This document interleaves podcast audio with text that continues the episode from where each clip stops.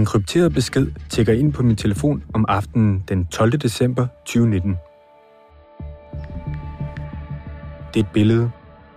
Det viser en høj og tynd mand med et stort krøllet hår, der ligger fladt på jorden med hænderne bag om ryggen ved shoppingcenteret Fields på Amager. To betjente knæler ind over ham. De ligner, de er ved at give ham håndjern på. Ved siden af er to andre betjente. Den ene har en politihund stående mellem benene. For at forstå scenen, der udspiller sig på billedet, bliver vi lige nødt til at skrue tiden 24 timer tilbage. PET har gennemført en intensiv efterretningsindsats baseret på en mistanke om, at flere personer forberedte et terrorangreb. En storstilet antiterroraktion har fundet sted. Det er vores vurdering, at de personer de er drevet af et militant islamistisk motiv. Efter en intensiv efterretningsindsats renser politiet mere end 20 adresser på tværs af landet. Hele syv politikredse fra Aalborg til København er involveret og står for at anholde alle de mistænkte i sagen. Cirka 20 personer. Der er personer, der både har intention og kapacitet om at begå terror i Danmark. En af dem er den krølhårede mand fra billedet.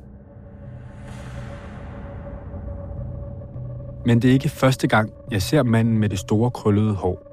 Jeg kender ham fra et netværk, jeg har fulgt det seneste års tid. Et netværk, som ifølge vores oplysninger tiltrækker ekstreme islamister i Danmark. Det er ting, jeg er sikker på. Det er nogle folk, som støtter Daesh. Jamen altså, den her pt chef siger altså i retten, at PT ser Team Dawah som en islamistisk gruppering, der sympatiserer med islamisk stat. Der var i hvert fald 4-5 stykker minimum. De her ekstreme holdninger, hvis du vil vide, hvad det er, altså det er sådan noget ISIS.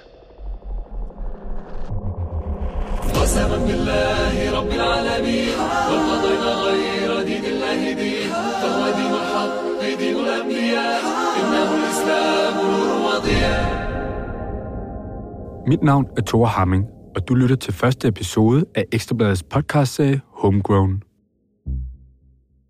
Jeg er terrorforsker, og så kan jeg godt lide at fortælle historier. Jeg har brugt de sidste otte år af mit liv på at studere det militante islamistiske univers. Al-Qaida, Islamisk Stat, jihadisterne og den terror, de har stået bag. Og jeg har forsøgt at komme så langt ind i en ellers hermetisk lukket sort boks som muligt. Efter primært at have været gravet ned i det ekstremistiske miljø uden for Danmarks grænser, så begyndte jeg i 2019 at vende blikket hjemad mod Danmark. Selvom terrortruslen allerede havde fyldt meget i den offentlige debat, så var det faktisk slående, hvor lidt vi vidste om det ekstremistiske miljø i Danmark. Journalister og forskeres fokus havde i flere år været rettet mod de danskere, der var rejst uden for Danmark til Syrien eller Irak. Altså de her fremmedkrigere. Fremmedkrigere er landsforrædere. Fremmedkrigerne har fravalgt vestens værdier, og de kan for min skyld rådne op i fangehullerne uden for Europa. Men i vores iver efter at følge de danskere, der traf den uforståelige beslutning om at rejse i hellig krig, så glemte vi alle dem, som blev hjemme. Den gruppe går under betegnelsen homegrown. Og det er dem, som den her podcast handler om.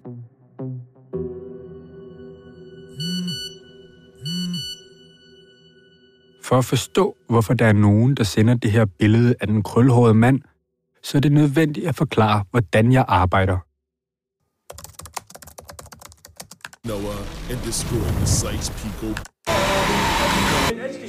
Jagten på information i det ekstremistiske miljø er ikke nem. Det er et detektivarbejde, hvor man ofte søger efter oplysninger, der som brikker i et puslespil med tiden kan samles og danne en helhed. Mit detektivarbejde startede for syv år siden. Der købte jeg et taletidskort og registrerede min første hemmelige profil på den krypterede platform Telegram.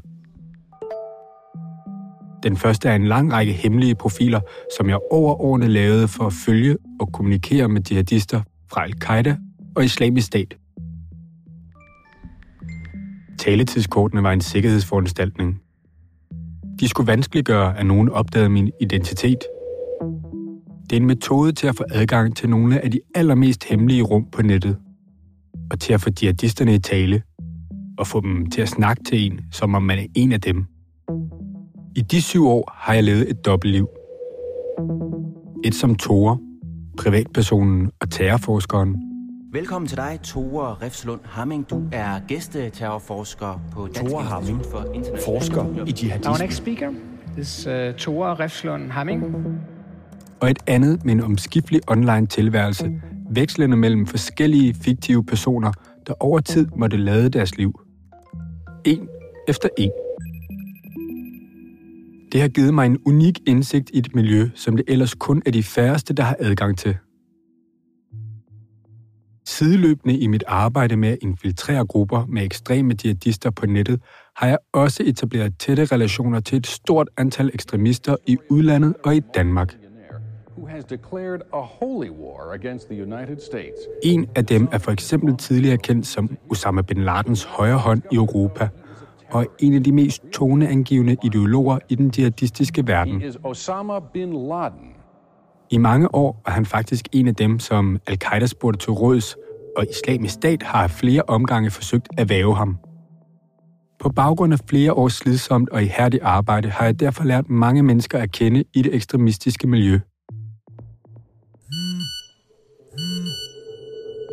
Og det er en af de personer, der sender mig billedet af den krølhårede mand liggende på asfalten ude foran shoppingcentret Fields på Amager.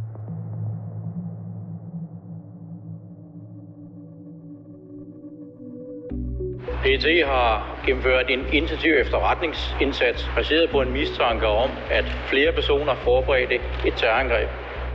Vi starter tilbage ved politiets store anholdelsesaktion den 11. december 2019, hvor mere end 20 personer på tværs af landet anholdes. Det er vores vurdering, at de personer de er drevet af et militant islamistisk motiv.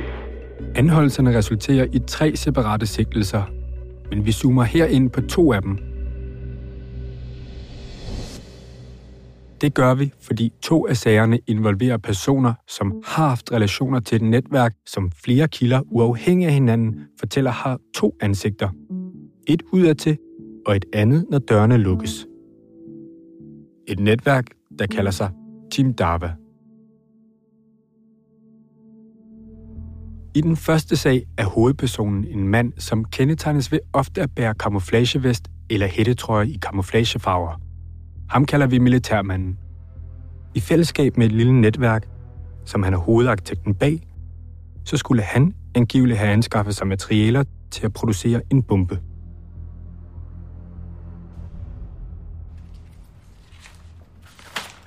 Jeg tror faktisk, jeg har fundet noget her. Altså, vi er jo lidt let efter noget dokumentation i forhold til, til den her sag med militærmanden. Ja. Men øh, jeg har hørt mig med en kollega, og jeg har rent faktisk fundet det her øh, retsdokument fra en norsk sag. Magnus Mio er undersøgende journalist på Ekstrabladet og en del af Homegrown-redaktionen.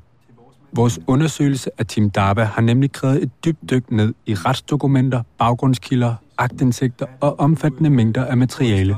Jamen, det er en, en norsk mand, der er anklaget for, for et, øh, begå et terrorangreb, øh, som skulle involvere okay. militærmænd. Det er Og han har simpelthen ja. sendt en, øh, en række beskeder. Altså, en af dem er for eksempel brand, brand hus og bygninger, står der. Og en anden er hellere dø, end at leve og blive ydmyget af skiftende kuffar.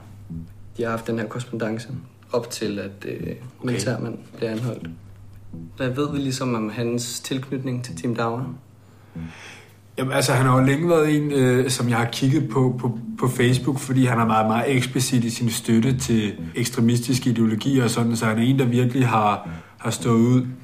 Øh, men så fandt jeg faktisk også nogle, nogle billeder, jeg gerne lige vil prøve at vise dig Ja. øh, på Facebook. Øh, det her blandt andet, øh, hvor han står, jeg tror det er et sted på Nørrebro, øh, sammen med, med to andre personer fra Team Dava. Øh, Det ligner lidt Blågårds Plads, måske. Ja, det kunne det godt være på bagsiden der, hvor, øh, ja. hvor de står og deler nogle folder ud til fem unge øh, på måske omkring 8, 10, 12 år. Det er svært at sige. Øh, men udover at det er interessant, at han står sammen med to fra Team Dava, så er det jo også lidt bemærkelsesværdigt, synes jeg, at han står i den her øh, militærvest ud over sin kjortel. Meget sådan Osama Bin Laden-style, øh, der også altid optrådt i militærjakker eller, eller sådan noget.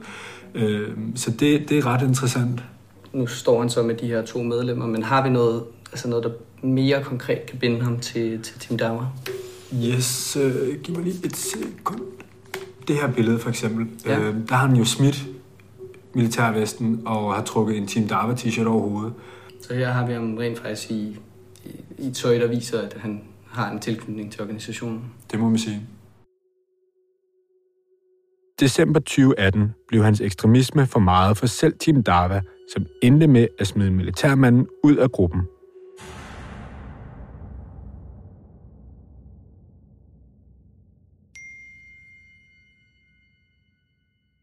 En forårsdag i 2019 lander en krypteret besked i militærmandens indbakke. Han tager sin telefon op af lommen. På den lille skærm står ordene Tag alle du kan. Du kan let klare 20 plus, står der en anden besked. Og i en tredje besked står der, vi ved, at Danmark skal blive det nye Frankrig. Det er beskeder i en krypteret chatgruppe på Telegram, der farver hans skærm. Beskeder, der kommer fra den anden side af Øresund, og med dem følger opskrifter på molotov-cocktails og brandbomber. Det er en nu anholdt nordmand, der skriver beskederne. En mand, der nu er anklaget for at forsøge at medvirke til terrorhandlinger i Danmark, der skulle udføres af militærmanden. En ny besked tigger ind i gruppen. Har man lov til specifikt at gå efter kvinder og børn? Tre prikker danser over skærmen. If they fight, you can, lyder svaret i den lukkede chatgruppe. Klokken 01.27 natten efter den sidste besked i korrespondancen lander på militærmandens telefon, sætter han ifølge anklageskriftet en bus i brand på hjørnet af Bøjlevej og Amager Strandvej sammen med en kammerat. Efterfølgende kører han sammen med sin kammerat til Herlev, hvor de kl. 04.50 skulle have forsøgt en ildspåsættelse af en ejendom. 10 minutter senere blev de to unge mænd dog anholdt, og det er under rensningen af deres bil, at politiet gør et bemærkelsesværdigt fund. En halv liter acetone, en liter tændvæske, en halv liter af en substans, der lugtede som benzin, en tom 10 liters dunk og en lighter. De her kemikalier er ganske brugbare til ildspåsættelser, men frygten var, at de også havde et andet formål. Det er nemlig nogle af disse kemikalier, der også benyttes til at fremstille eksplosivet TATP, også kendt som satans mor. Da de seneste 20 år har været jihadisternes foretrukne eksplosiv. Der er personer, der både har intention og kapacitet om at begå terror i Danmark. Ligesom den krøllehårede, så var militærmanden en, som jeg havde holdt særlig øje med på Facebook i løbet af foråret 2019. Han var meget larmende på Facebook og var tydeligvis ikke bekymret for at signalere, at han havde nogle ekstreme holdninger. Og så var han meget optaget af Rasmus Paludan. Øh, Jeg er Rasmus Paludan, frihedens soldat, de svages beskytter, samfundets vogter, danernes lys. I april lægger militærmanden en video på Facebook med den spørgende titel Finder vi os i det?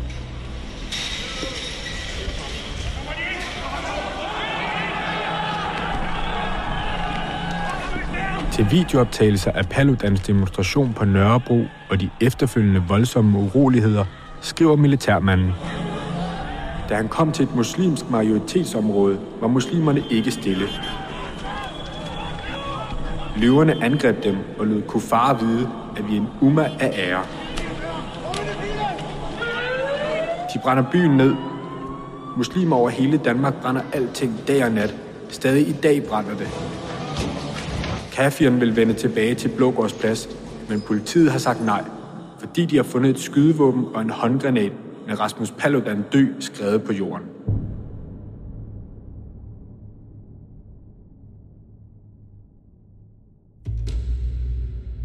Ved den anden sag, som involverer personer med forbindelse til Team Dava, er jeg til stede ved grundlovsforhøret i Københavns Byret.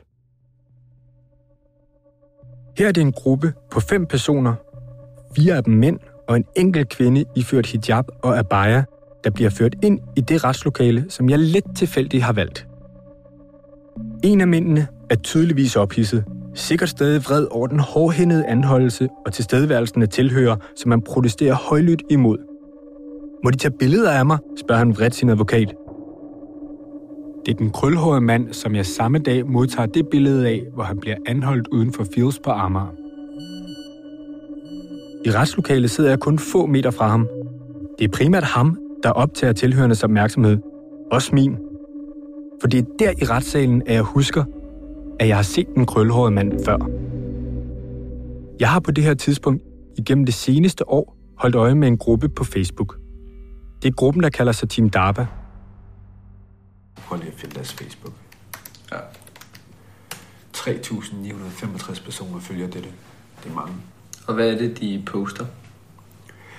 De er jo rigtig aktive, altså de, de poster jo en, en masse ting. Øh, det er jo meget sådan religiøse påmindelser og egentlig meget post, der giver udtryk for, at, at det er en, en ganske almindelig religiøs forening, øh, moderat forening endda. Jeg er med, så gå ind på vores Facebook-side Team Darwa og synes godt om siden, og opfordre jeres venner til at synes godt om siden også, så vi alle sammen kan stå sammen om det.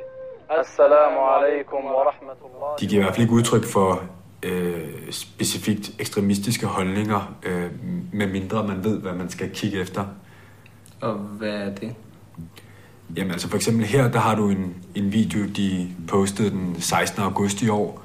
En video med en meget velkendt islamisk stat-sympatiserende ideolog, som de jo faktisk har brugt tid på, som du kan se oversæt fra engelsk til dansk med, med underteksterne, med deres logo Team Dava oppe i hjørnet.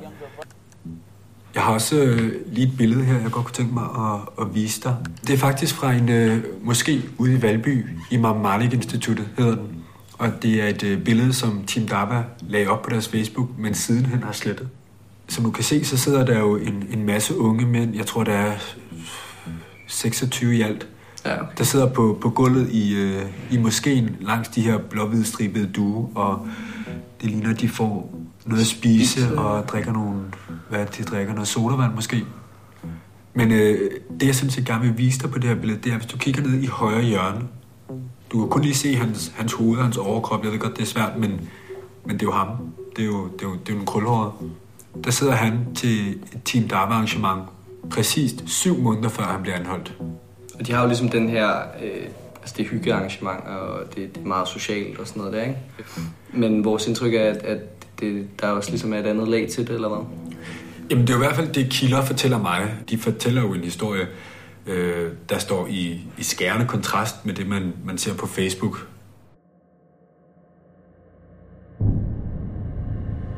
For the sake of Allah, we will march to the gates of the paradise where our maidens await. We are men that love death just as you love your life. We're the soldiers that fight in the day and the night. I juni i år starter retssagen mod den krølhårede. Det er torsdag den 10. juni, og jeg står ude foran Københavns Byret. I retslokale 42 i Københavns Byret sidder jeg og venter på, at han bliver vist ind i retslokalet. Jeg er spændt på at se, hvordan han optræder, for sidste gang jeg så ham til grundlovsforhøret i december 2019, var han vred og forudrettet. Da han endelig kommer ind i retslokalet, er det med en helt anden attitude. Han er iført en hvid skjorte, og håret er sat op i en hestehale. Jeg lægger mærke til, at han har en bedeplet i panden. En sabiba, som det hedder på arabisk. Det er en plamage, der er kommet af den gentagende friktion ved de fem daglige bønder. Overfor ham sidder de syv nævninge med tårnhøje bunker af papir foran sig. En kæmpe stak, vel cirka omkring 40-50 cm i, i højden. Det er sagens ekstrakter, som de over de næste mange måneder skal gennemgå, og som udgør anklagemyndighedens operation, som de har døbt Shuriken. Under retssagen bliver jeg klogere på det forløb, der leder op til anholdelsen. Den sker syv måneder efter, at han sidder i Imam Malik Instituttet i Valby med medlemmerne af Team Darva. Han har igennem længere tid haft en korrespondence med en mand, der kalder sig Abu Adem. En grå novemberdag, 20 dage før anholdelsen, skal de nu mødes for første gang. Mødet er sat op af en anden kontakt, som den krølhårede har haft en korrespondence med igennem flere måneder, og som giver ham indtryk af at være islamisk statssympatisør. De aftaler at mødes ved den vestlige indgang til Fields på Amager. Kl. 18.09 skriver den krølhårede til personen, han skal møde, at han er der om 5 minutter. OK, bror, skriver manden tilbage. Abu Adem følger op med en besked 8 minutter senere, hvor han spørger, om den krølhårede er ankommet. Det er han, og de går sammen ind i shoppingcentret. Formålet med det første møde er noget så udramatisk som bosnisk honning. Den krølhårede mand har fået at vide af en anden kontakt, at personen, han nu mødes med, kan skaffe god honning fra Bosnien. Okay, men altså, de her to mænd mødes for at handle bosnisk honning. Altså, vil du ikke lige prøve at forklare, hvorfor det kommer frem i retten, at en mand, der nu sidder tiltalt for terror, køber bosnisk honning i Fields? Altså, det er, jo, det er jo svært at sige med sikkerhed, men altså, jeg tror godt, man kan beskrive det som en eller anden form for, for lakmustest, hvor han ligesom skal teste den anden og se, om man kan skaffe det, han, han skal bruge. Mm. Og så siger den krølhårige faktisk også i retten, at han har en plan om at ville importere den her honning til København og, og sælge det for at starte en eller anden form for forretning og tjene nogle penge. Men hvad den krølhårede også har fået at vide er, at den mand, han nu sidder overfor, kan skaffe våben. Og stille og roligt drejer samtalen sig over mod et meget mere springfarligt emne end honning. Han forklarer Abu Adem, at han har været i kontakt med nogle kriminelle for at anskaffe sig et våben. Men ifølge den krølhårede spørger de for meget ind til, hvad han skal bruge våbnet til. Han giver indtrykket af, at de nærmest var bange for at sælge til ham. Derfor spørger han manden i Fields, om man kan købe pistoler af ham. Og med i købet vil han gerne have en lyddæmper. Planen er, forklarer han, at lave gentagende angreb. Manden, som kalder sig Abu Adem, og som man har fået indtrykket af, at islamisk statssympatisør, erkender, at hvis han bruger pistolen uden en lyddæmper, så larmer det meget. Og det ønsker den krølhårede ikke. Jeg vil ikke have andre høre noget. Hvis jeg går ud om natten foran en bil og gør noget, så kan jeg slippe hurtigt væk, fortæller han. I retten fortæller den krølhårede, at det hele er en dækhistorie.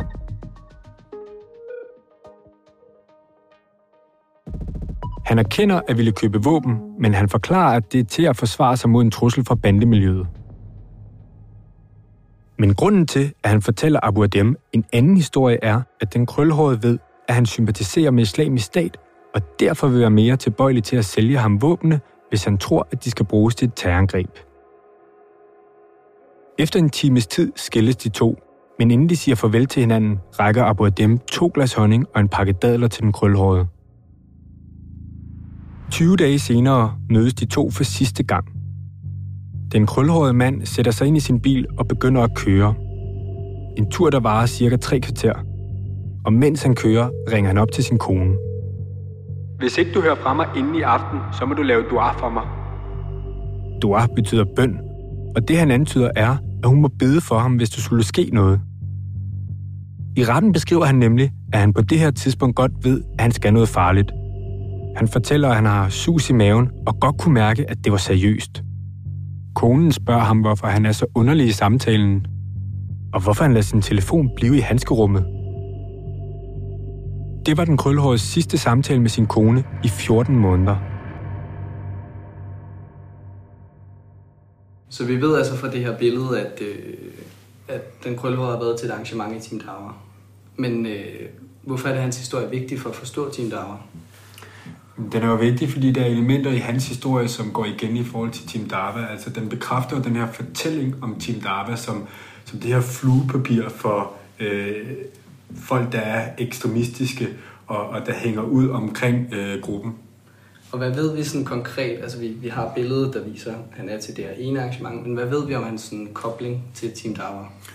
Jamen altså, vi ved fra kilder, som jeg har snakket med, at han har været medlem af en øh, tidligere gruppering, der går forud for Team Dava, så bliver han smidt ud på et tidspunkt, fordi han er alt for øh, ekstrem og konfrontatorisk, når, når de er sammen og, og ude i byen, så, øh, så, så skal han ligesom konfrontere alle, og, og det kan Team Dava ligesom ikke holde til. Efterfølgende så bliver han så ved med at være i periferien omkring gruppen. Øh, han er gode venner med flere, der er i gruppen, og, øh, og så ses han jo også på noget billedmateriale af det, vi har. Så han er ligesom en del af sådan en hangaround omkring Team Dava.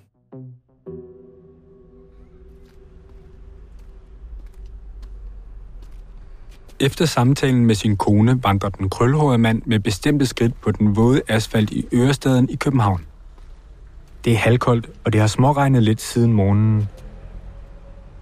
Selvom det er midt i december, så er det denne onsdag eftermiddag halvtomt i området omkring shoppingcenteret Fields på Amager. Han har langt, mørkt og krøllet hår, og skægget er lettere tjavset. Han bevæger sig mod stedet, hvor han skal mødes med manden ved navn Abu Adem. De to har kendt hinanden i en måneds tid, og aftalen er nu, at den krølhårede skal købe de to pistoler af typen Glock og CZ75 for 6.800 kroner. Derudover skulle han have to lyddæmper og ammunition.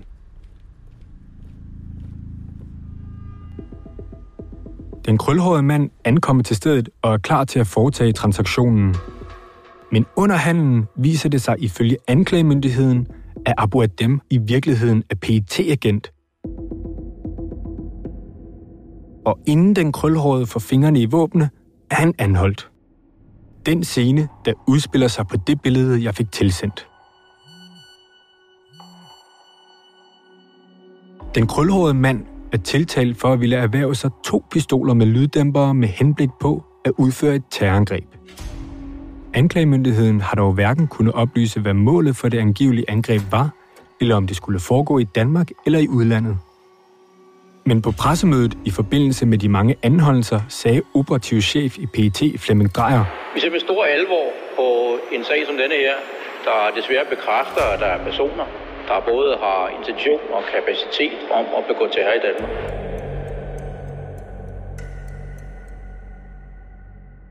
Efter samtaler med flere kilder i miljøet står det dog klart, at den krølhårede, som er halvt dansk, halvt egyptisk, igennem en årrække er kommet i det ekstremistiske miljø, og at han tidligere har forsøgt at rejse til Syrien for at tilslutte sig al-Qaida eller islamisk stat. Folk i miljøet beskriver ham som en kriminel, aggressiv og utilregnelig person – og de fortæller en historie om en person, der efter han blev religiøs under en fængselsdom, hurtigt begyndte at abonnere på meget ekstreme holdninger. I vil høre i løbet af vores historie, at sådan en lynradikalisering går igen i beskrivelsen af mange i miljøet. Og så fortæller en kilde tæt på den krølhårede, at kilden ikke er overrasket over, at han blev anholdt i denne sag. Det var bare et spørgsmål om tid. Under retssagen kommer det frem, at der blev fundet 55 videoer og 20 lydfiler på hans telefon. Videoerne indeholder IS-propaganda. I mange tilfælde er det dog svært at fastslå, om han selv har downloadet dem, eller om de er blevet automatisk lagret på hans telefon. Men særlig én video er vigtig, da anklagemyndigheden med sikkerhed kan sige, at den krølhårede mand selv aktivt har downloadet videoen – vi ved faktisk ikke, hvad videoen omhandler, men vi ved, at den er produceret af islamisk stat, og i den bliver der afspillet en sang, som også ligger på hans telefon. Nemlig en af de her såkaldte nasheeds, produceret af islamisk stat, som han flittigt lyttede til. Altså de her famøse a cappella-sange, hvor der ofte synges om krig, død og ødelæggelse i Guds navn. Coldly kill them with hate and rage, stab them, shoot them, Anklageren spiller også en video fra den krølhårede bil, hvor han med sin daværende kone lytter til Nasheeden for The Sake of Allah, smilende og grinende til kameraet. For the sake of Allah, we will march to the gates of the paradise where our maidens await. Og så fortæller anklageren om den krølhårede pas, som de har fundet i hans bolig. På første side af passet er Jesus på korset afbildet, men i den krølhårede pas er Jesus' ansigt brændt væk.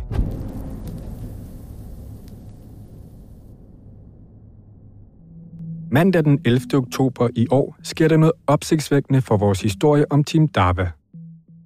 I retten bliver en pet chef indkaldt som vidne i sagen mod den krølhårede. Her siger han nemlig, PET ser Team Dava som en islamistisk gruppering, der sympatiserer med islamisk stat – her er det selvfølgelig vigtigt at bemærke, at der hverken er faldet dom i sagen mod den krølhårede eller militærmanden.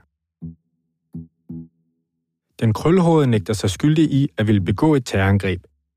Retssagen mod militærmanden er endnu ikke begyndt, og det er derfor uvist, hvordan han forholder sig til anklagerne. Vi har forholdt militærmanden og den medtiltalte kvinde vores oplysninger, men ingen af dem er vendt tilbage.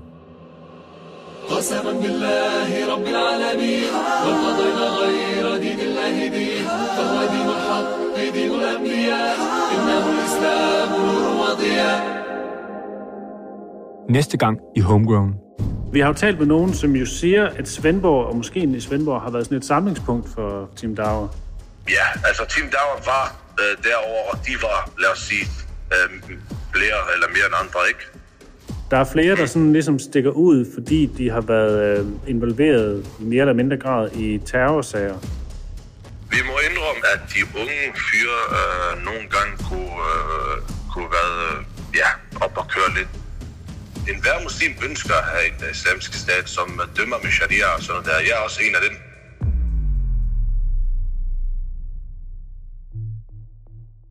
Podcasten er baseret på samtaler med kilder i miljøet og tæt på Team Dava. Af hensyn til de kilders sikkerhed er de anonymiseret. Kildernes fortællinger er blevet sammenholdt med en gennemgang af en lang række aktindsigter, retsdokumenter, vores egen research og indsamlet materiale fra åbne såvel som lukkede og krypterede grupper. I forbindelse med podcasten har vi været i kontakt med Team Dava og forlagt dem de anklager, som der bliver rettet mod dem.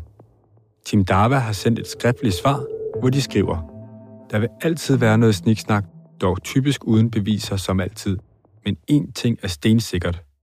Vi har intet med islamisk stat at gøre, og vi vil hverken associeres med dem eller andre lignende terrororganisationer. Det er simpelthen for grænseoverskridende. Vi hverken roser eller opfordrer til at skade andre mennesker. Vores eneste mål er at forkynde islam, som den står skrevet i Koranen og Sunna til muslimer, såvel ikke muslimer. Hverken mere eller mindre.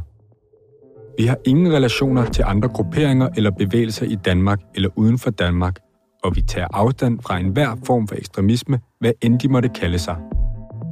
Team Dava har afvist at stille op til interview. Hvis du har noget viden eller information, du gerne vil dele med os, så kan du gøre det anonymt på mailadressen ebhomegrown